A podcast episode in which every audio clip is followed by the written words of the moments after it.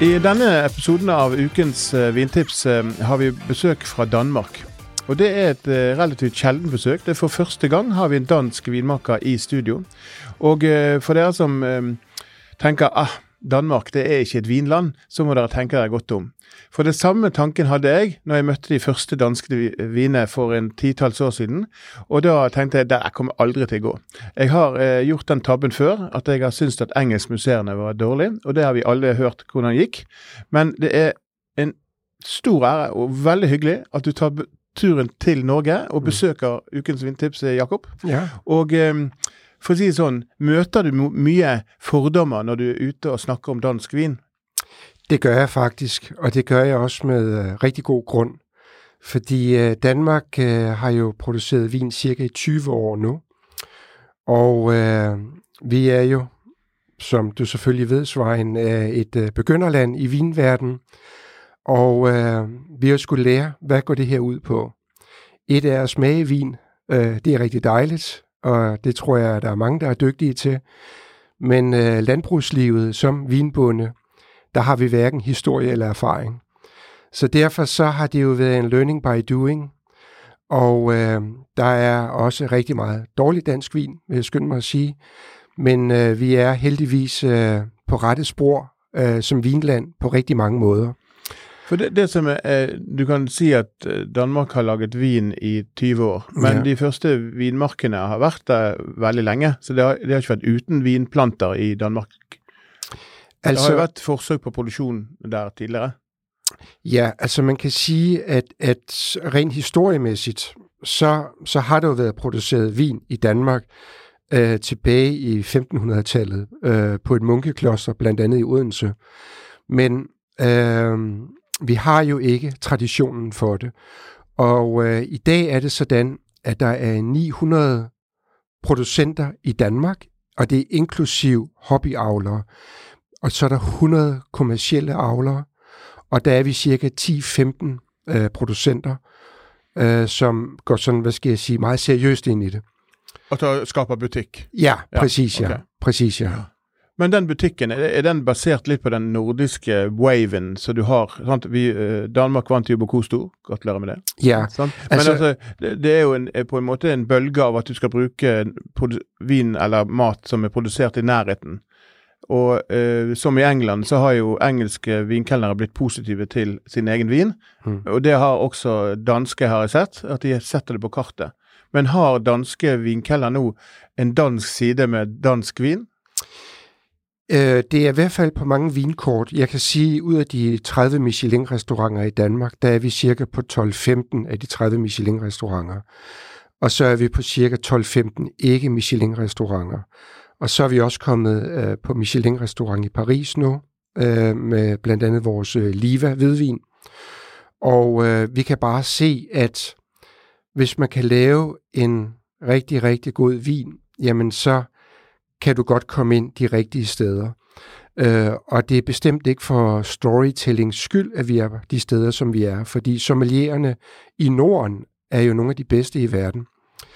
Og øh, som du selv siger, køkkenet i Norden øh, Danmark, Sverige, Norge.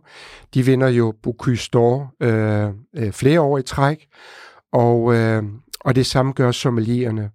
Så hvis vi kan lægge os, sådan skal jeg sige, i slipstrømmen af, af, af det her nordiske køkken, jamen så er det jo bare en kæmpe succes, og det er selvfølgelig også en del af det, vi vil gå efter.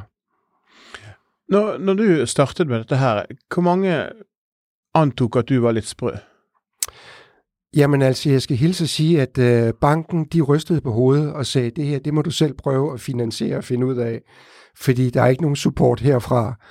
Og, øh, øh, og det kan man sige, i dag er det jo måske også et problem i Danmark, at øh, hvis der er nogen, der vil starte op på at lave øh, vin i Danmark, jamen så historiemæssigt, hvis bankerne går ind og kigger på tallene på vinerier i Danmark, jamen så er der ikke rigtig nogen, der tjener penge. Og derfor så er det noget, man skal gøre med egen finansiering på den ene eller på den anden måde. Vi har så gjort det øh, step by step og haft det, vi kalder en organisk vækst. Vi har jo været i gang i 15 år nu, og øh, hver år, når vi har tjent lidt penge, jamen, så har vi udvidet og gjort det bedre og bedre. Så det har været en organisk vækst, vi har været ja. igennem. For du begyndte at plante 1000 vinplanter? Jeg begyndte Sant? at plante Ja. 1000 vinplanter i 2009, Ja. og der plantede jeg alt muligt forskelligt, fordi jeg sagde, hvad kan lade sig gøre? Ja. Så det var både Riesling og Chardonnay og Pinot Noir og alt muligt. Ja. For bare for at se hvordan det var. Hvordan var det, ja? Ja. Ja. Og det var for mig var det lidt en drengedrøm at, og, øh, at se, om man kunne lave vin i Danmark. Jeg har jo en baggrund for restaurationsbranchen og arbejdet som sommelier på 62 stjerne Michelin-restauranter i Frankrig. Så jeg havde sådan en, en drøm, hvor jeg tænkte, det må jeg se, om jeg ikke kan udleve. Hmm. Og, øh, og øh, min kone gav mig heldigvis lov til at, at lege med det her projekt. Men de første tre år, der hældte jeg al vin ud. Det var simpelthen ikke godt nok. Men når du sier godt nok, hva manglet i de første årene? Eller første Var det syre? Var det Jamen, det var, det var, det, det var, hvad skal jeg sige, det var drikkeligt. Ja. Det var drikkeligt. Det var alkohol og det var, det var drikkeligt, ja. og det var bestemt bedre end uh, nadvervinen i kirken.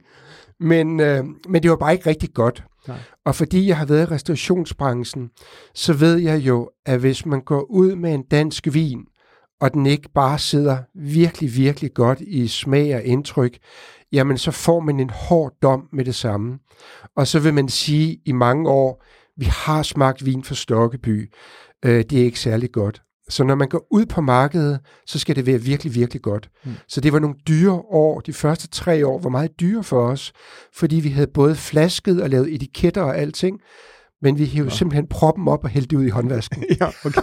Det var, så, så, så du hadde vin til, eh, vin til sausen, men ikke til noe annet. ja, lige præcis. Men jeg skal fortelle deg at når jeg eh, ble introdusert for eh, Stokkeby og disse viner, så eh, tenkte jeg ok, jeg eh, smaker ma- mye vin gjennom året, og jeg tenker ok, vi, men vi må ha en liten smaking. Og det gjorde jeg for noen uker siden. Mm. Og eh, du lager også noen hvite viner, altså Solari, av Solaris. Eh, og de er på en måte litt sånn eh, eh, Eh, ordinary eh, i det norske markedet. Eh, men så fikk jeg åpnet de musserende vinene, og da eh, tenkte jeg han og fyren der, han må i podkasten. For dette var veldig godt. Og det, det du sier, det at du, du vil ha en høy kvalitet, det gjenspeiler også eh, prisene. sant? Nå lanseres jo disse her nå i april, og eh, de vil jo koste rundt 600 kroner og 800 kroner. Så det er relativt eh, i det norske markedet i et bra prisnivå. Men det konkurrerer jo med England og champagne sjøl.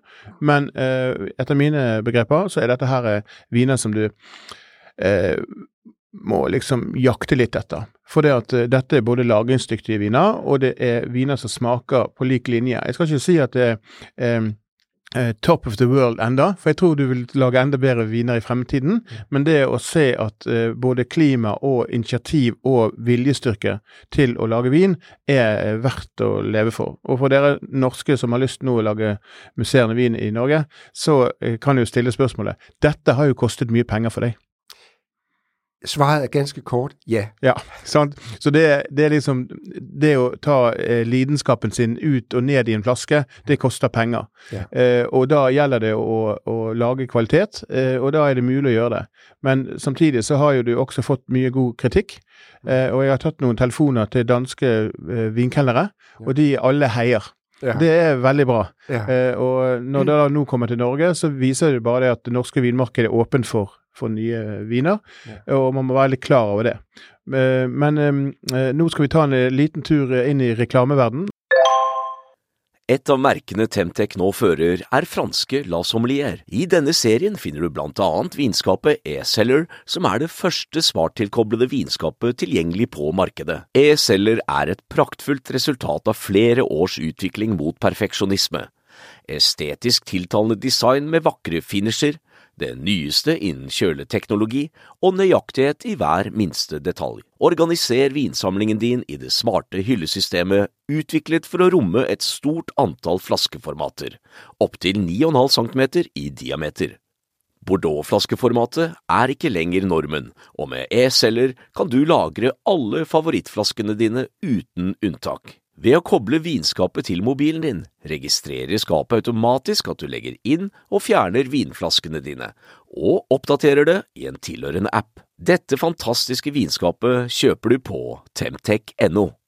Og da er vi tilbake etter en liten kort reklamepause, eh, og i studio så har vi en dansk vinmaker, Jakob Stokkeby, som forteller her om sine flotte viner. Og um, Jeg har jo innledningsvis sagt at uh, jeg ble imponert over smaken.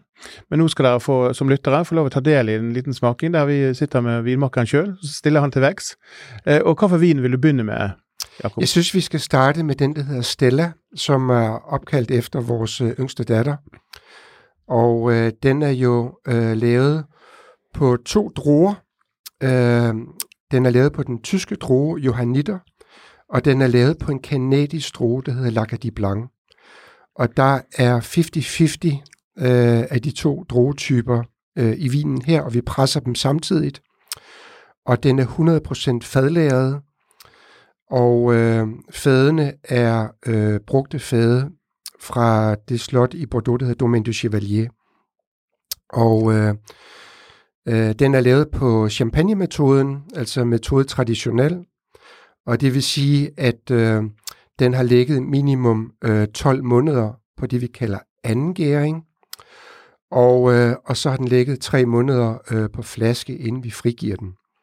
Så den er lavet på, hvad skal jeg sige, champagne-metoden, og det er det, vi går efter. Ja. Men det, det høres ut som en sånn reklameplakat rundt vin. Men hvordan fant du frem til disse druene? Altså, hvordan, hvordan, var det rådet advice? For det, det som kjennetegner denne vinen her, er jo en iboende syrlighet. Altså det er flott, nydelig syrlighet Ja. med god frukt. Ja. Litt fattoner, Ja. men tar du dette blindt, så tenker du eh, en litt utviklet eh, god musserende, men syrligheten er helt outstanding. Ja. Jamen, druetyperne øh, har vi valgt. Som sagt, så plantede jeg tusind forskellige. Men det her med det kanadiske druer, det var der en god bekendt, der, der fortalte mig om og sagde, tror du ikke, at Kanada har nogle vinstokke, der passer til det danske klima? Fordi øh, sådan geografisk, hvis man kigger sådan på ekvatorlinjen, jamen så passer de to meget godt sammen. Og så gjorde vi faktisk det, vi sendte en person til Kanada, øh, og så sagde vi, fyld kufferten med det bedste museerne vin, du kan finde i Kanada. Og han kom så hjem med 12 forskellige museerne vine, og så samlede vi nogle danske sommelierer og nogle øh, privatpersoner, som er meget interesserede i øh, museerne vine, og så smagte vi det, og så kiggede vi på hinanden, og så sagde vi, er det noget, vi skal arbejde videre i? Og der var enighed om, det var ret interessant. Det vi så bare kan sige, det er, at øh, Lacadie Blanc-druen, øh, synes vi ikke kan stå alene, fordi den er sådan meget blomstrende og sådan meget florerende, og så bliver den sådan lidt forpjattet i glasset. Så derfor så skulle vi have det tyske Johanniter ind, som er sådan mere bombastisk og har sådan lidt mere base og stikkelsbær, og holder den der Lacadie Blanc lidt nede, så den ikke danser for meget. Så det er som et ekteskap. Det er som et ægteskab. Ja. Langt hen ad vejen minder det rigtig meget om et langt ægteskab. Og det, øh, det synes vi har lykkedes meget godt. Ja. Ja, det må jeg si jeg er enig i. Dette er, er, er, er veldig, veldig bra, bra vin. Men hva syns din datter om eh, vinen? Ja, nu er hun kun 13 år, så hun har ikke smagt den endnu. Er Helt sikker på det? Ja, det er. Ja. øh, men men øh, det, der er fantastisk med en pige på 13 år, det er, at hun er rigtig god til at dufte. Hmm. Og øh, hun er med til at give os øh, duftenoterne på vinene. Så, øh, Men du har en annen god lukter òg. Frank, netop, ja, labradoren din. vores øh, Labrador Frank, ja, som vores øh, hvidvin er opkaldt efter. Øh, ja, det er jo også, øh, vi holder det jo lidt på familieplanet, og i det hele taget, så gjorde vi det, at vi i 2017 øh, sagde til vores tre børn, vil I være med på den her rejse, fordi vi er bange for, at det her er en rejse, der tager rigtig mange år. Og øh, vi vil ikke lægge nogen grundsten på noget, hvis det er noget, I ikke kan føre videre. Så vi fik øh, den her berømte kop kaffe og ostemad, og så sad de og tænkte lidt over det. Men øh, vores ældste datter, hun er jo kok øh, på en øh, tostjernet Michelin-restaurant, og vores søn, han er i shippingbranchen. Så de har selvfølgelig interesse. Ja, det er godt For tingene, ja. For det, du, du merker veldig fort eh, at dette her er et familieprosjekt som Det er dere har familieprosjekt. på med tid. Ja, Og man kan gjerne si det at, eh, at det å lage vin eh, handler også om å investere. Men de, når man gjør investeringer, eh, så er det arbeidet både i vinmarka, Ja. eh, det arbeidet med å presse, og ikke minst når du da har laget vinen, så skal du også selge og drive den logistikken. Og det er jo det som er den største kostnadsbæreren på sikt. Eh, men når man da får en suksess som dette her, så har du utvidet nå fra 1000 planter. Og hvor mange planter har du i dag? Vi har 17 000. 17 000. Og Ja. hvor, mange hektar er de plantet på? Det er på 6 hektar. Ja. Eh, men når du nå ser tilbake og ser også det at det blir butikk av det, kan du fortelle litt om hva som må til for å ha en, etter dine mening, en lønnsom dansk vinbutikk? Hva, Ja. hva, hva må du til? La oss si vi tar utgangspunkt i disse to vinene her, eh, til 600 norske kroner og 800 norske kroner. Hvor mange flasker må til for å lage en god butikk av Ja, altså i dag, der producerer vi jo samlet set 12-14.000 flasker. Øh, og det er fordi, vi høster ikke fuldt på alle vores marker endnu. Vi, vi høster først, når de er tre år gamle. Så vi klipper stokkene helt ned i to år, og tredje år, der høster vi på dem. Så ting tager tid. Og øh, på 12.000 flasker, der kan vi have en butik, hvor vi har en øh, winemaker, en wine grower, Øh, min kone er også fuldtidsansat, og så har vi løsarbejdere. Og så har vi faktisk et overskud på 200-300.000 efter lønninger. Så vi har faktisk i dag, øh, i 2022, har vi, aflægger vi regnskaber, hvor vi begynder at tjene de her 200-300.000 kroner om året. Og vi kan se, når vi kommer op på de her 22-25.000 flasker om to til tre år, jamen så er det en rigtig, rigtig fornuftig forretning. For det utstyret du investerer i, er jo eh, holdbart. Altså tanker og det Ja. man gjør. Så kostnaden er egentlig hvor stor skal man bli i forhold til det man vil tjene inn. Men ser du for deg at, at hvis du får en kommersiell suksess med dansk vin i denne, denne nivået her, har du muligheten til å utvide? Jeg har muligheder for at udvide. Jeg tror, det er det samme i Norge som i Danmark, at landmænd er meget ked af at sælge deres jord. Ja. Men, øh, men øh, det, er, det er nu ret sikker på, at man vil kunne løse hen ad vejen øh, med de landmænd, som, som vi har som naboer. Men faktisk er det ikke vores intention. Altså vores intention er faktisk at holde det på de her 22-25.000 flasker, og bare blive bedre og bedre og bedre.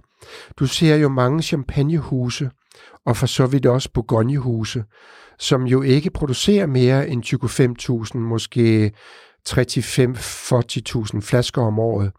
Og det er jo bare et spørgsmål om at hæve kvaliteten, og dermed også hæve prisen.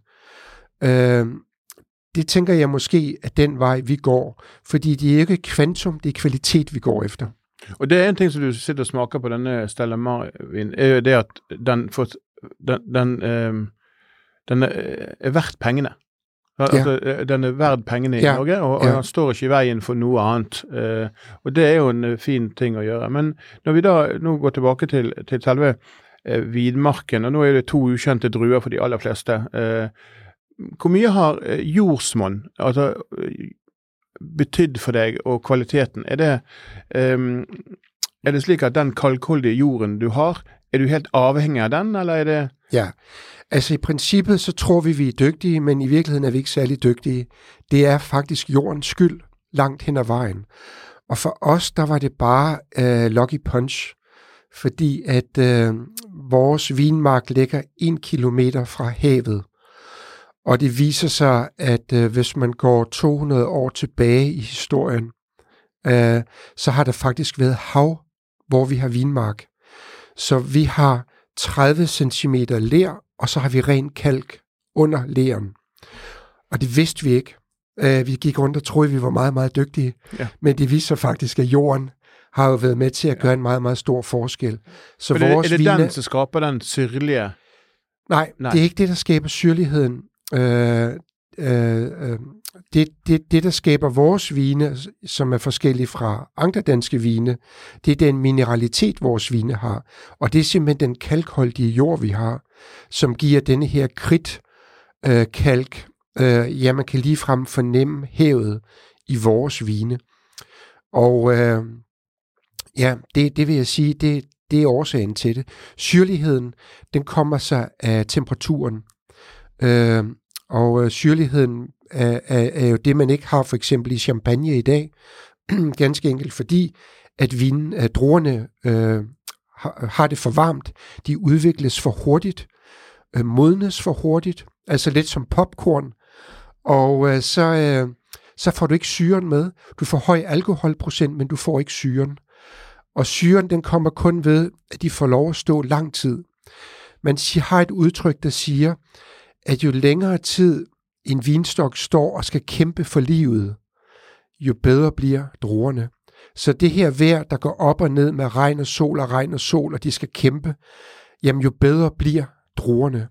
Og det har vi jo i Danmark, og for så vidt også i Norge, fordi vi har jo storm, vi har sol, vi har regn, men vi har også mere sol, øh, end vi ja, havde det til. Mere sol over snittet, for du må jo ha ja. en vis form for uh, temperaturer, du må ha en vis form for, for næring på, uh, til, Præcis. at, til at fungere. Faktisk er det sådan, at man siger, at uh, temperaturen, uh, hvor vi er, hvis man kigger på en 100-års skala, så er det som i Champagne i 1970.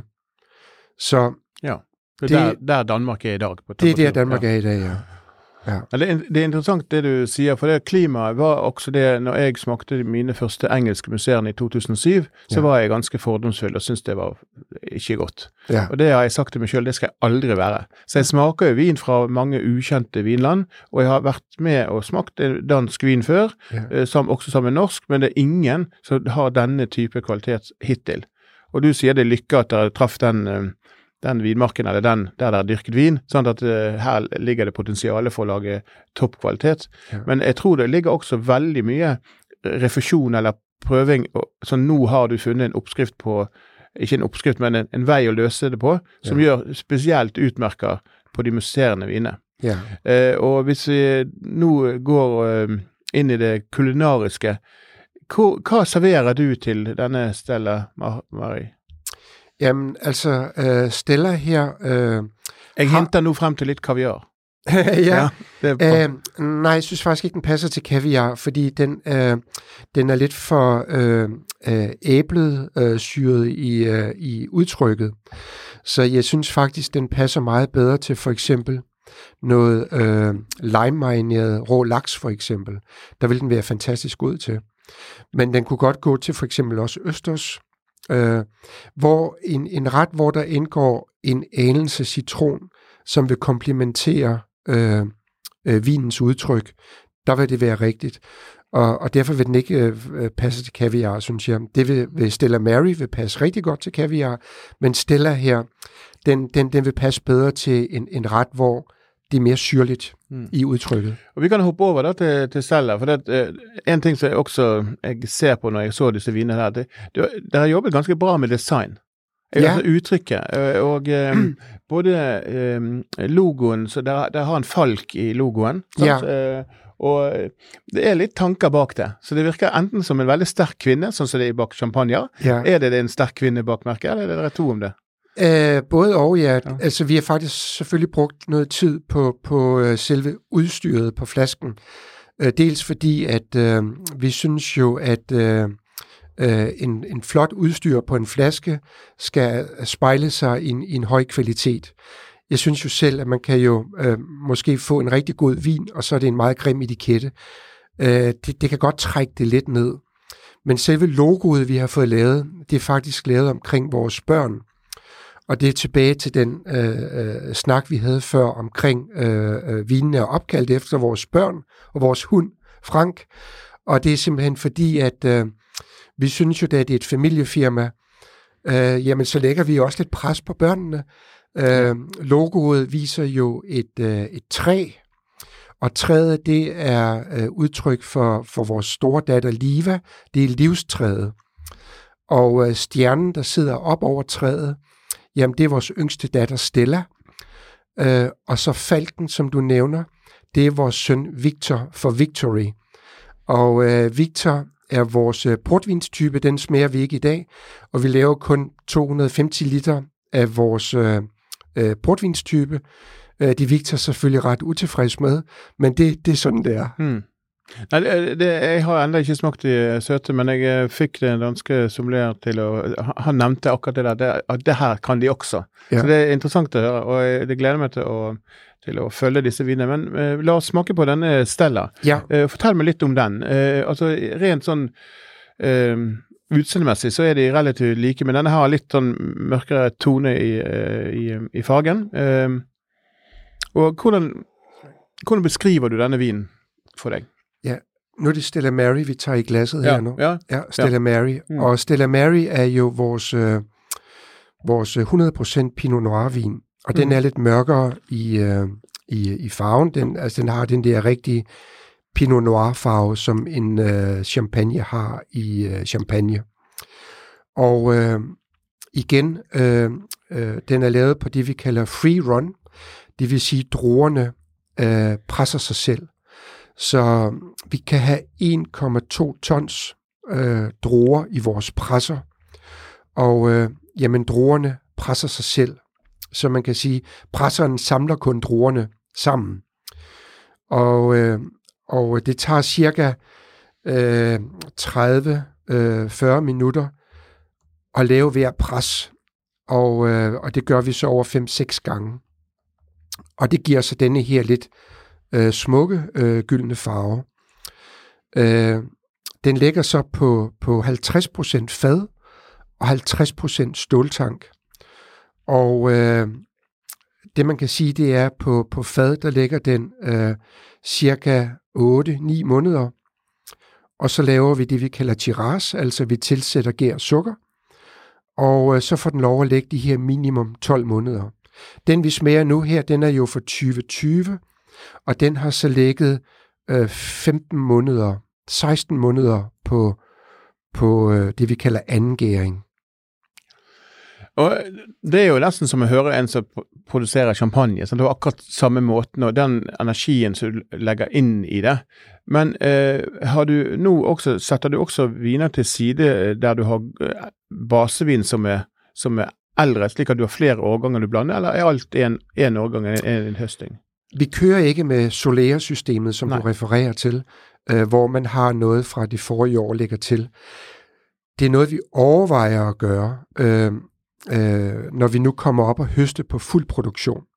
Øh, lige nu er vores produktion ganske enkelt så lille, så, øh, så det gør vi ikke. Men vi lægger 25% til side, som ligger to år, og vi begyndte at lægge noget til side, der ligger tre år. Fordi som du sikkert ved, Svein, så øh, er syv år jo et rigtig godt år at lade en museerende vin øh, ligge. Og øh, lige præcis syv år, det har vi ikke fortalt banken om, at de skal ligge syv år. Nej. Nej. Så det kan godt være, at de får et chok, når de hører det. Ja. Så jeg tror, vi skal slette det forbundet her, Svein. Ja, men det er godt høre. Men det, øh, det, men det, det er det jeg sier. Denne har også vin, og jeg smaker begge to, så ser jeg også at disse vinene har lagringspotensial. ja, Du det må ikke være redd for å la disse Ja. både og, og 10 og 12 og mer år, for de har nok syre til, de har nok frukt har i seg. Um, og eh, jeg må si det at eh, det er den første vinen, danske vinen jeg har blitt imponert over. Sånn um, umiddelbart, sånn ordentlig. Ja. Og eh, hvis vi går tilbake til dansk eh, vinindustri, hvordan ser du for det? Du sier det at ja, det finnes noe dårlig, vi skal ikke snakke om det, for det finnes i alle viner. alle dårlig, i... Men hvordan ser du for deg dansk vinindustri sk- skal kunne hevde seg? Eh, må man ha foregangsbedrifter, sånn som du gjør nå med dine viner, som em, akkurat som vi opplever, la oss si eh, Romani Conti eller, eller Krug eller andre merkevarenavn som drar det fremover i en bransje? For markedet for for eh, skandinavisk, også dansk eh, produkter, er jo høy, sant? Mm. Eh, og det betyr jo det at når du først får eh, eh, drive på ting, så kan ikke du lage eh, 500 000 flasker hvis du virkelig treffer til. Du har x antall flasker, Mm. men det kan jo være åpning for mange andre som, som vil lære hvordan du lager vin. Ja, Og nå kommer spørsmålet. ja. Er det noen nye eh, produsenter som er på vei inn i det danske markedet, eller som produserer vin som du føler er, er bra? ja, absolut. Kan du nevne noen produsenter som den norske, norske vininteresserte kan være interessert i? Det? Så, Disse må du følge med på fra Danmark. Jeg synes for eksempel, det hus, der hedder Ørnberg, øh, laver fantastisk god vin. Og øh, også øh, økologisk vin. Vores vine er økologiske, og Ørnbergs vine er også økologiske. Og han er meget, meget dygtig. Anders fra Ørnberg er, er en af de meget gode øh, danske producenter. Så er der noget, der hedder øh, øh, Værhøj Vingård. De er også et, et, et, et rigtig godt øh, et ægte par, der også er gået all in på det og, og, og laver øh, rigtig dejlige vine. Så der er jo øh, Guldbæk Gård øh, i Nordjylland er også dygtig. Så det er, så det er, det er, en, det er en bevægelse. Sant? Du sier ja. det er en ung industri. Det betyr at de første ti årene vanligvis da, så, så um, tar man og prøver og feiler. Og ja. så skal man prøve å tjene penger de neste ti, og så begynner man å se om det blir butikk. Fullstendig riktig. Uh, så det, det er først nå du begynner å se ja, dette kan gå, det. sant? Ja, ja. Eh, og det er jo flott. sant? Og det ser vi også på, på interesse fra restauratører. At de ser jo på andre, etter andre vinstiler. Og her i Norge så er jo de beste vinkellerne de er også ute etter å eh, ha en god historie. sant? Og det er det jo absolutt. sant? Det er virkelig bra. Men eh, Eh, hvordan eh, Hvis du hadde styrt norsk, nei, unnskyld, dansk eh, vinindustri og vært sjefen for, vært enehersker ville du, hva ville du ha gjort umiddelbart med dansk for at de skal hevde seg? Er det, er det å kutte vekk noen druetyper? Er det er mindre produksjon? Er det mer fokus på high end? Eller hvor stort kan det bli? Det kan blive stort, hvis øh, vi får udlandsk hjælp. Øh, grunden til vores succes er jo, at vi har søgt øh, udlandsk øh, hjælp. Øh, hvis du tror, du kan lave vin som dansker ved at læse nogle bøger og eksperimentere dig frem, så skal man glemme det. Øh, man er nødt til at alliere sig med øh, et vinhus eller en vinkonsulent, som virkelig ved, hvad det her det går ud på. Fordi vi har ikke historien, vi har ikke viden. Og hvis jeg var chef for det, som du siger, så vil jeg sammensætte en advice board, med nogle professionelle vinproducenter. Øh, og, og det skulle være på hvidvin, og det skulle være på museerne vin. Fordi Danmark, det vil til mange år før, at vi kan lave øh, rødvin i top-top-klasse. Der er en, to i Danmark, der laver noget rødvin, som er rigtig udmærket, men vi har bare ikke sol nok til det. Jeg mener, man skal koncentrere sig om det, der kan lade sig gøre, og de vin, der er gode. Og det er hvidvin, og det er muserende vin. Og specielt muserende vin, fordi vi har syren, øh, som du nævnte før, den syre, den er til stede øh, her i Norden. Og vi kan også se, øh, jeg har jo, øh, jeg tager rundt i champagne hver år, og jeg tager også vinen med i kufferten, og jeg smager også vores egen muserende vin med nogle af de her champagneproducenter. Og øh, nu er franskmænd jo ret stolt folkefærd, og de siger nærmest nej, nej, inden man åbnede øh, flasken. Men når de så smager den, så siger de alligevel, ja, oui, c'est, c'est pas mal. Mm. Det er ikke dårligt. Ja. Og det er ret tæt på at sige, det er ret godt ja. øh, øh, i Frankrig. Så jeg, jeg, jeg vil sige, man skulle lave et professionelt advice board udefra. Det, det, vil være, det vil absolut være det, man skulle gøre. Vel kunne andre alt. Men har øh, øh, har eh, Danmark eh, hva, hva, sier vinloven i Danmark? For det ble jo da i 2000, eh, da ble, kom, eh, ble anerkjent som, som en vinprodusent ja. i EU, sant? Jo. Men eh, bak det ligger det strenge føringer eh, på, på regelverket på å lage vin, eller står det helt fritt frem til å dyrke det du vil? Altså jeg vil sige, vi er jo stadigvæk på vores, øh, som I har øh, mattilsynet, og vi har fødevarekontrol, så vil jeg sige, at vi har et rigtig godt samarbejde med fødevarekontrollen i Danmark, og de, øh, de skal jo også lære det, øh, øh, fordi igen, det, det, det, det er et nyt produkt, det er et nyt landbrugsprodukt, øh, det er jo ikke, hvad skal jeg sige, det er jo ikke svin og kør og, og hvede, så øh, vi har et tæt samarbejde med vores fødevarekontrol. Og, og der vil jeg sige, at vi går meget hånd i hånd sammen. Så jeg føler faktisk ikke, at de er strenge strenge. Jeg synes, vi har god dialog og, og åben dialog, øh, hvordan man, man gør tingene. Men jeg vil sige, Danmark har øh, øh, et minus på den måde, det er, at økologisk produktion i Danmark er, er ikke det samme som økologisk produktion, som for eksempel i Frankrig eller Italien. Men det er jo en helt anden snak, og sådan gælder det jo også inden for alle mulige andre fødevarer. Der, der går landene jo alligevel ind og laver deres egne regler. Så lige præcis på økologisk produktion af vin, der, der, der er meget, meget få ting, vi må bruge til at sprøjte med, for eksempel. Hvilket gør, at det gør det mere risky business. Øh, og der håber jeg selvfølgelig, at man åbner op for nogle af de andre økologiske produkter, man må bruge, som man må i øh, andre steder i Sydeuropa. Det er godt å høre det at eh, det finnes gode tanker om dansk vin. Vi skal i hvert fall følge med her fra Norge ganske grundig. Og Jakob, jeg tror ikke siste gang du kommer og presenterer en vin, for jeg har en liten mistanke at du har ting på lur. Og vi må jo smake på den uh, portvinen, eller den søte vinen, hetvinen. Ja. Det må vi en gang. Ja. Uh, og nå skal jeg ha et lite spørsmål. Uh, er det mulig å komme på besøk til, til dere? Det er det, ja. Etter en liten vi? Vi vi, vi, øh, vi laver faktisk øh, ture for minimum 10 personer, hvor vi øh, smager vores vine, og vi har et supplement, hvor man også kan smage vores øh, kaviar. Vi producerer jo også øh, kaviar, så man kan kombinere enten en vinsmagning eller en vin-kaviar-smagning. Mm. Og øh, det er noget, vi, øh, vi man, man kan booke sig på via vores øh, Instagram eller vores Facebook. Fordi at I Norge så er det en ting som eh, sies det at eh, det er alltid godt å være norsk i Danmark. Og det tror jeg du er et eh, eksempel på. det, det, tror jeg er riktig. Ja. Så Jakob, tusen takk for besøket. Det er veldig hyggelig. Og det er, det, er flott å se din ærgjerrighet for kvalitet. Tusen takk skal du ha. Takk fordi jeg måtte komme. Takk for nå, Jakob. Vel, takk.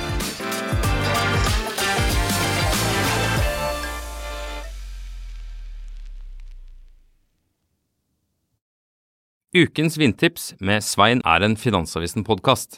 Programleder er Svein Lindin, produsent er Lars Brenden Skram, og podkast- og videoansvarlig er Marius Mørk Larsen. Ansvarlig redaktør er Trygve Hegdar.